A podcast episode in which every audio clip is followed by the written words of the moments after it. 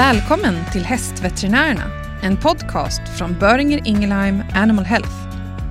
I den här podden samtalar vi med specialister från olika områden inom hästmedicinen. Med det gemensamt att de delar vår och din passion för hästarna. Välkommen till Hästveterinärerna, podden för dig som är veterinär eller djursjukskötare och arbetar med hästar. Jag heter Maria Wilhelmsson. I det här andra avsnittet med Michael Hewitson pratar vi vidare om magsår hos häst och fokuserar på hur man behandlar och förebygger magsår, både med hjälp av läkemedel och genom korrekt utfodring och management.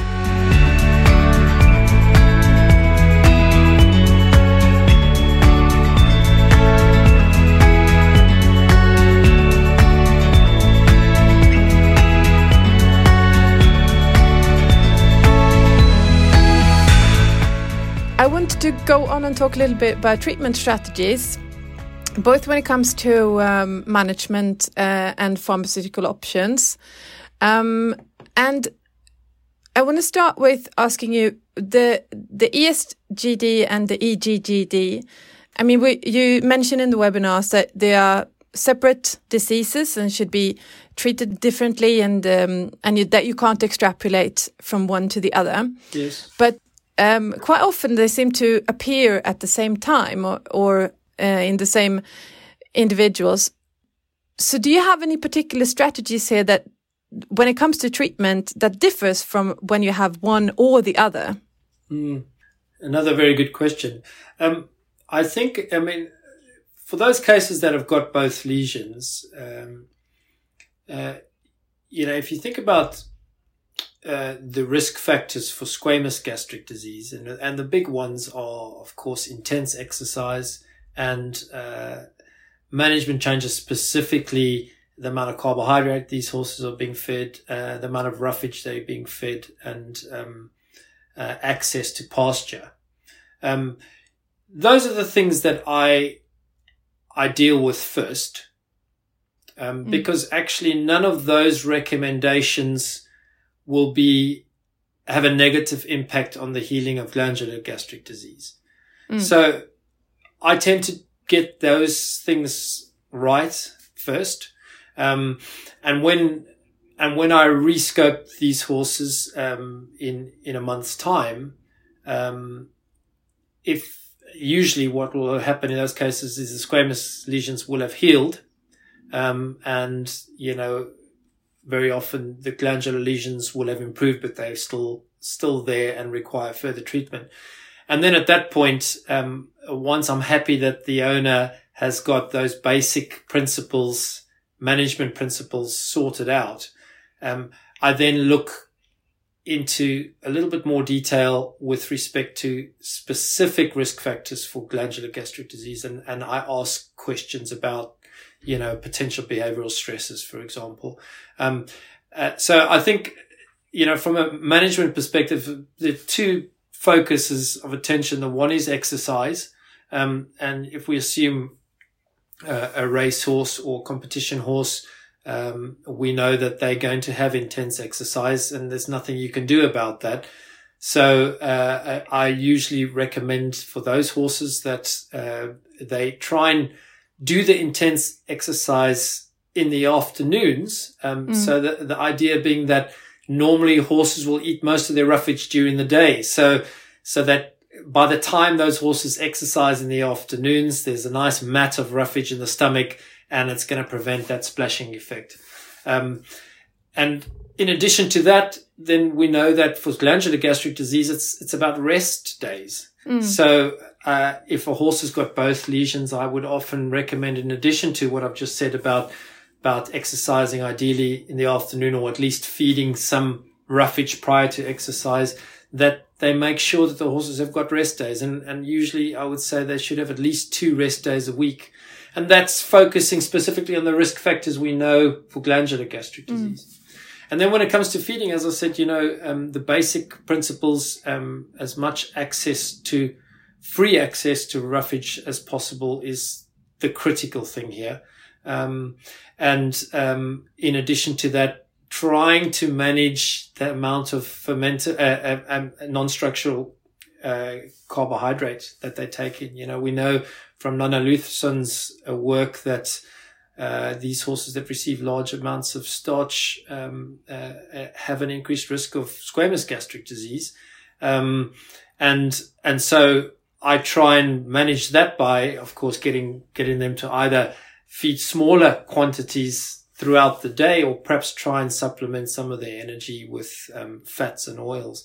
Um, there aren't any specific risk factors, uh, nutrition wise, uh, for glandular gastric disease, but I think it just makes sense to, to pro- provide owners with some, um, recommendations for nutrition, um, irrespective of, of, of whether or not the horse has only got glandular gastric disease or squamous gastric disease as well, because, because, um, you know, it's not going to do them any harm and certainly will prevent those horses going on to develop squamous gastric disease if they didn't have it when you when I first saw it. So mm. to answer your question in a long roundabout way, um, if they've got both lesions, I focus on exercise recommendations for exercise. I focus on on on um, a nutritional management um, specifically for squamous gastric disease, and then um, once I've got that under control, I focus on behavioral stresses um, with respect to glandular gastric disease specifically. Mm. I guess also, I mean, the restricting of forage intake can also cause stress, right? So yeah. it's indirect something yeah. that would. No, definitely, and um, uh, we probably will touch on this a little bit later. The other challenge is uh, turnout. You know, people sort of you give this blanket recommendation that a horse should be turned out when it's got gastric ulcers. Um, but the fact of the matter is that's not as simple as that. Um, uh, mm. and, and actually there are some challenges to that. Perhaps we can get to that a little bit later um, in our discussion. But um, yeah, the take home message is, you know, uh, manage exercise as much as you can, understanding the underlying risk factors. So uh, in, with squamous gastric disease, you know, it's all about the, the, intensity of exercise and trying to limit the exercise. I would recommend ideally a maximum of 40 minutes of intense exercise a day, which is usually enough to achieve uh, what racehorse trainers would need to achieve. Uh, and then rest days. And then then, as I said, the feeding specifically access to roughage and, and trying limiting your starch intake. Mm. Uh, what about pharmaceutical? I guess then the the treatment of the glandular ulcers would then just take the well, squamous ulcers with them. Well, exactly. Um, uh, we know that currently, uh, you know, oral omeprazole has got a, a, a very good efficacy um, for squamous gastric disease. So you would expect if you can get the management um, and you're under control and and deal with the risk factors, that when you rescope these horses with both lesions at uh, you know four weeks um, post treatment, that the, the, squamous lesions would have resolved. Um, and then, you know, depending on, on what the glandular lesions look like at that point, that's when you would think about, um, uh, you know, your plan going forward from a pharmaceutical uh, management perspective. Um, and, and from my lectures, you would have probably gathered, you know, if, if there's been absolutely no improvement at all, um, uh, with, with oral omeprazole, um, then you might need to consider, um, alternatives. Um, and, mm. uh, you know, in those cases, you, you, we've talked about misoprostol, bearing in mind that um, it's not a licensed product and, and, and there are challenges with regards to using it. Um, if if the horse has improved, but it hasn't completely resolved, you know, then I recommend continuing um, uh, on the same treatment and, and rescoping again in a month's time. And I think managing owners' expectations is really important because mm. we know that in general, uh, glandular gastric disease is going to take long, a long time to heal. Um, and I think, you know, you, you can be very surprised if it's healed in four weeks. Um, most of the time it requires, you know, two to three months for it to heal properly. Um, and you know, you have, there are of course cases that, that heal very nicely in, in a month's time, but owners need to be aware that it, uh, it doesn't, it's not going to get better in two or three weeks. And, and, and they need mm. to be aware that it is often a disease that takes time to heal. We do know that um, uh, if we talk about non-responders, that there are individual horses that um, have less acid suppression on the same dose of omeprazole than other horses. And that's the same in people. Um, and they call them non-responders. Um, and often those cases, uh, if you've ruled out all the other reasons why the horse might not be responding, you know, management and, and you've been given the drug appropriately, uh, you should consider that it might be a non-responder, uh, an individual animal that, that requires a higher dose of omeprazole in order to achieve acid suppression. And a very nice little practical tip to do this would be to, to make sure that the owners, when you gastroscope the horse, that the horse is still on omeprazole treatment. So let's say you've, you've prescribed omeprazole for squamous gastric disease and you're going to rescope in three weeks time. Make sure that the owner's given the last dose of omeprazole on the morning prior to scoping so that we've got a steady state of the drug in, in, in the circulation. And then what I do is when I gastroscope the horse, I take a, a little sample of the gastric fluid and I just use some litmus paper and check what the pH is. And that'll tell you immediately whether the horse is suppressing acid appropriately or mm. not. Mm. It's a very, very useful little trick because if, if you, if you've now starved the horse and uh, it's on omeprazole, its pH should be above four at least. And if it's mm. not, it means that your dose is not right. And those cases, you might want to increase the dose. And sometimes you could, you could go as far as doubling the dose if necessary.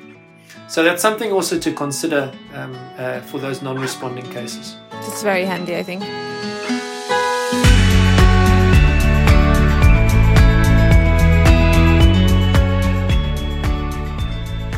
Then, um, when we're on the topic of uh, uh, pharmaceutical treatment, then um, you emphasize in your lectures that the treatment with oral omeprazole requires fasting during the night, or at least that you restrict uh, feed intake and has to be given on an empty stomach. Um, and this is very easy in theory. Uh, but what's your perception on owner compliance here? I mean, how do you deal with uh, cases where for example, an owner can't influence when the horse is being fed, if it's boarded, or um, in in tricky cases. Mm. What's your advice here? It's a real challenge, and before I answer that question, I think it's really important to reiterate uh, how critical it is that the horse is medicated on an empty stomach, mm. um, because we know from from uh, the research that's been done on the pharmacokinetics of, of omeprazole that um, uh, roughage in the stomach um, uh, causes a significant drop in in in the bioavailability of omeprazole, and so uh, if we don't get that right, uh, you know, it wouldn't surprise me at all that you end up with a horse that's not responding to the omeprazole. And I think we need to get that message across to owners just how important that is. Um, to the point that I would, all, I often say, you might as well squirt that that omeprazole out onto the ground, then give it mm. to a hmm. horse if it's got a full stomach, because it's unlikely to to do the job. Um, how to how to get that compliance? Uh, I think one of the disadvantages, I suppose, of owners being far more aware of the risk factors of gastric ulcers, and when I say risk factors, I think specifically for squamous gastric disease, uh, you know, that most owners will understand and will be very aware of the fact that you, you shouldn't starve a horse, you know, yeah. and if you starve a horse, it's going to get ulcers. Um, but, but what they need to do is understand the normal circadian rhythm of a horse mm. when it comes to, to, to ingesting forage. And there's some really good studies out there that have looked at uh, a horse's ingestion behavior. Uh, and anybody that watches their horse carefully enough will, will know that between, you know, two o'clock in the morning and six o'clock in the morning, most horses won't be eating. Mm. Um, they eat very little and that's just natural behavior. And what that tells me is that, okay, it's, it's a physiological, uh, state, um, insofar as a normal, healthy horse mm. will have an empty stomach in the early hours of the morning. Mm. So you're not going to be doing that horse any harm by keeping roughage out of the stable uh, in the early hours of the morning. Mm. Um, and what I what I usually say to owners is feed eighty percent of your roughage during the day, and twenty percent of it at night. Put in the last twenty percent of the roughage just before you, you know, leave the horse and go home. That horse will then finish that by about 12 o'clock at night and it'll have a natural period between 12 o'clock at night and, and the first thing in the morning where where it has an empty stomach, but that's not going to do it any significant harm. Um, and then you're going to ensure that when you come there in the morning, first thing you do is you medicate the horse with omeprazole. And here's the other really important aspect of this is once you've given the omeprazole, it's absolutely critical that you then do feed the horse after that because Mm. the way the drug works is that um, it's a prodrug and uh, it it requires the the um, proton pumps to be activated in order to work on them. And the way the proton pumps, which are the pumps that produce the acid, of course, um, uh, are, are activated is by um, feeding. So the idea here is that you feed, you medicate the horse on an empty stomach. You give it between half an hour and an hour um, for the drug to be absorbed. The half life's about 45 minutes or so. Um, and then you feed the horse. So then what you're doing is you're activating those pumps and then the omeprazole exerts an effect on the pumps. Um, and I think if we can get that message across to owners that they're not doing any Yeah. harm, it's it's counterintuitive because they go, "Oh my god, I don't, I don't want to starve my horse. It's going to give it ulcers," you know. But actually, it's not. And um, you know, I, so I think it's all about Yeah. communication, like so many things in our profession. Um, but I always try and explain to them that it's natural physiology of a horse and natural behavior that they're not going to eat in the early hours of the morning. Does it make a difference um, i- regards in regards to the formulation of oral omeprazole? No, no. Um, the the um, uh, the buffered. If you, if you think about the two two most common formulations, the buffered formulation um, and then the uh, enteric coated form formulation, there is some uh, evidence to suggest that the enteric coated formulation has a better bioavailability. Um, but actually, if you look at uh, the pharmacodynamics, meaning actually what the drug does at the level of the stomach, uh, there doesn't seem to be any significant difference in acid suppression. So, so um, either formulation um, uh, will do the same job, and both of them uh, uh, should be administered on an empty stomach. Mm.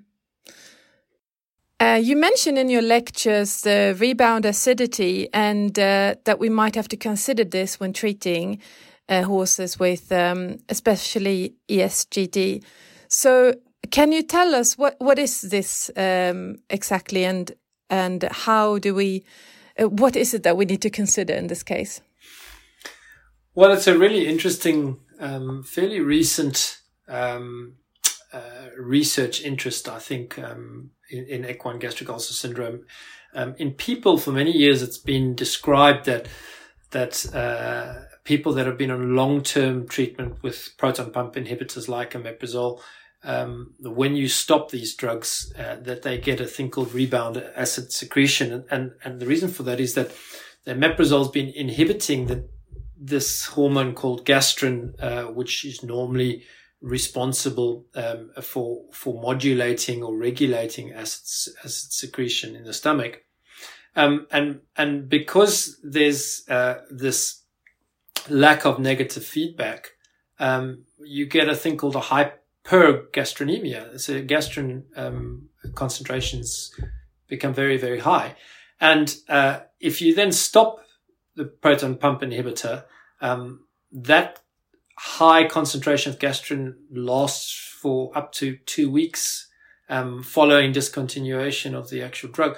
And of course, gastrin is responsible for stimulating enterochromaffin-like cells to produce histamine, which then stimulates the parietal cell to produce acid.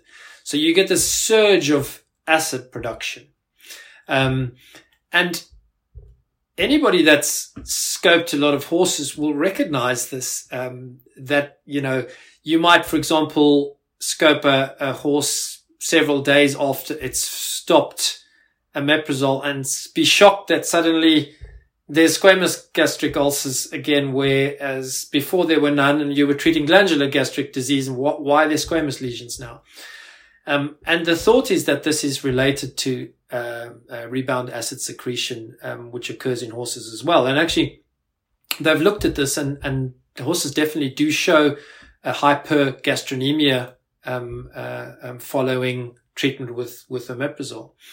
But what we don't know is does that actually uh, um, equate to horses getting increased acidity at the level of the stomach? We haven't looked at that in any detail yet. We knew we do know that gastrin levels increase, but we don't know if that that that actually means that these horses get more acid secretion, and that's certainly work that needs to be done.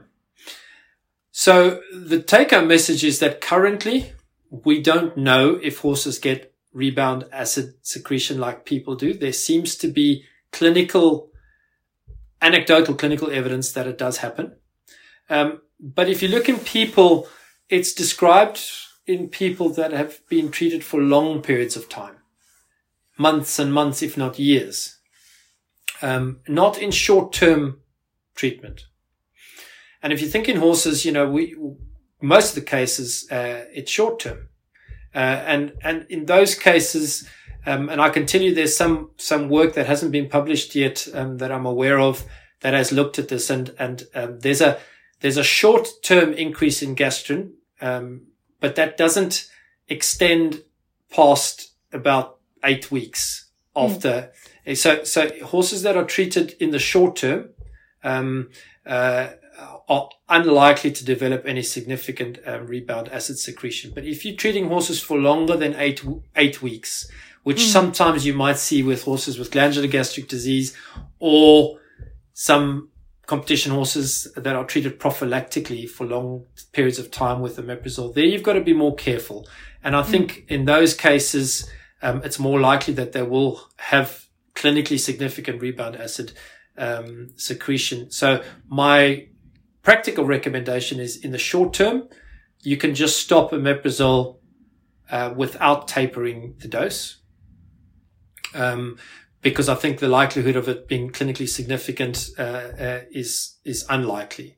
If you have been keeping a horse on long-term treatment, then I would recommend tapering, and then I would go half the dose for a week and then a quarter of a dose for the week before stopping. Mm. For those horses that are treated in the short term, we do know that that they still have high gastrin concentrations, and it's, so it's probably possible that for let's say 72 hours after you finish a omeprazole, that they do suddenly have a surge of acid.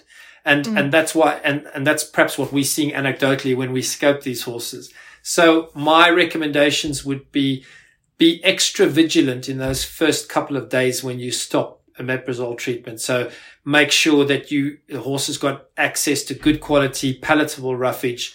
Probably avoid intense exercise for two or three days after you stop omeprazole. Don't transport them. Give them adequate access to water so that you reduce the risk factors for squamous mm. gastric disease occurring. But I wouldn't be tapering the dose in the short term. I think that's very useful information because it's something that I think uh, you tend to not really consider or think about mm, um, in horses.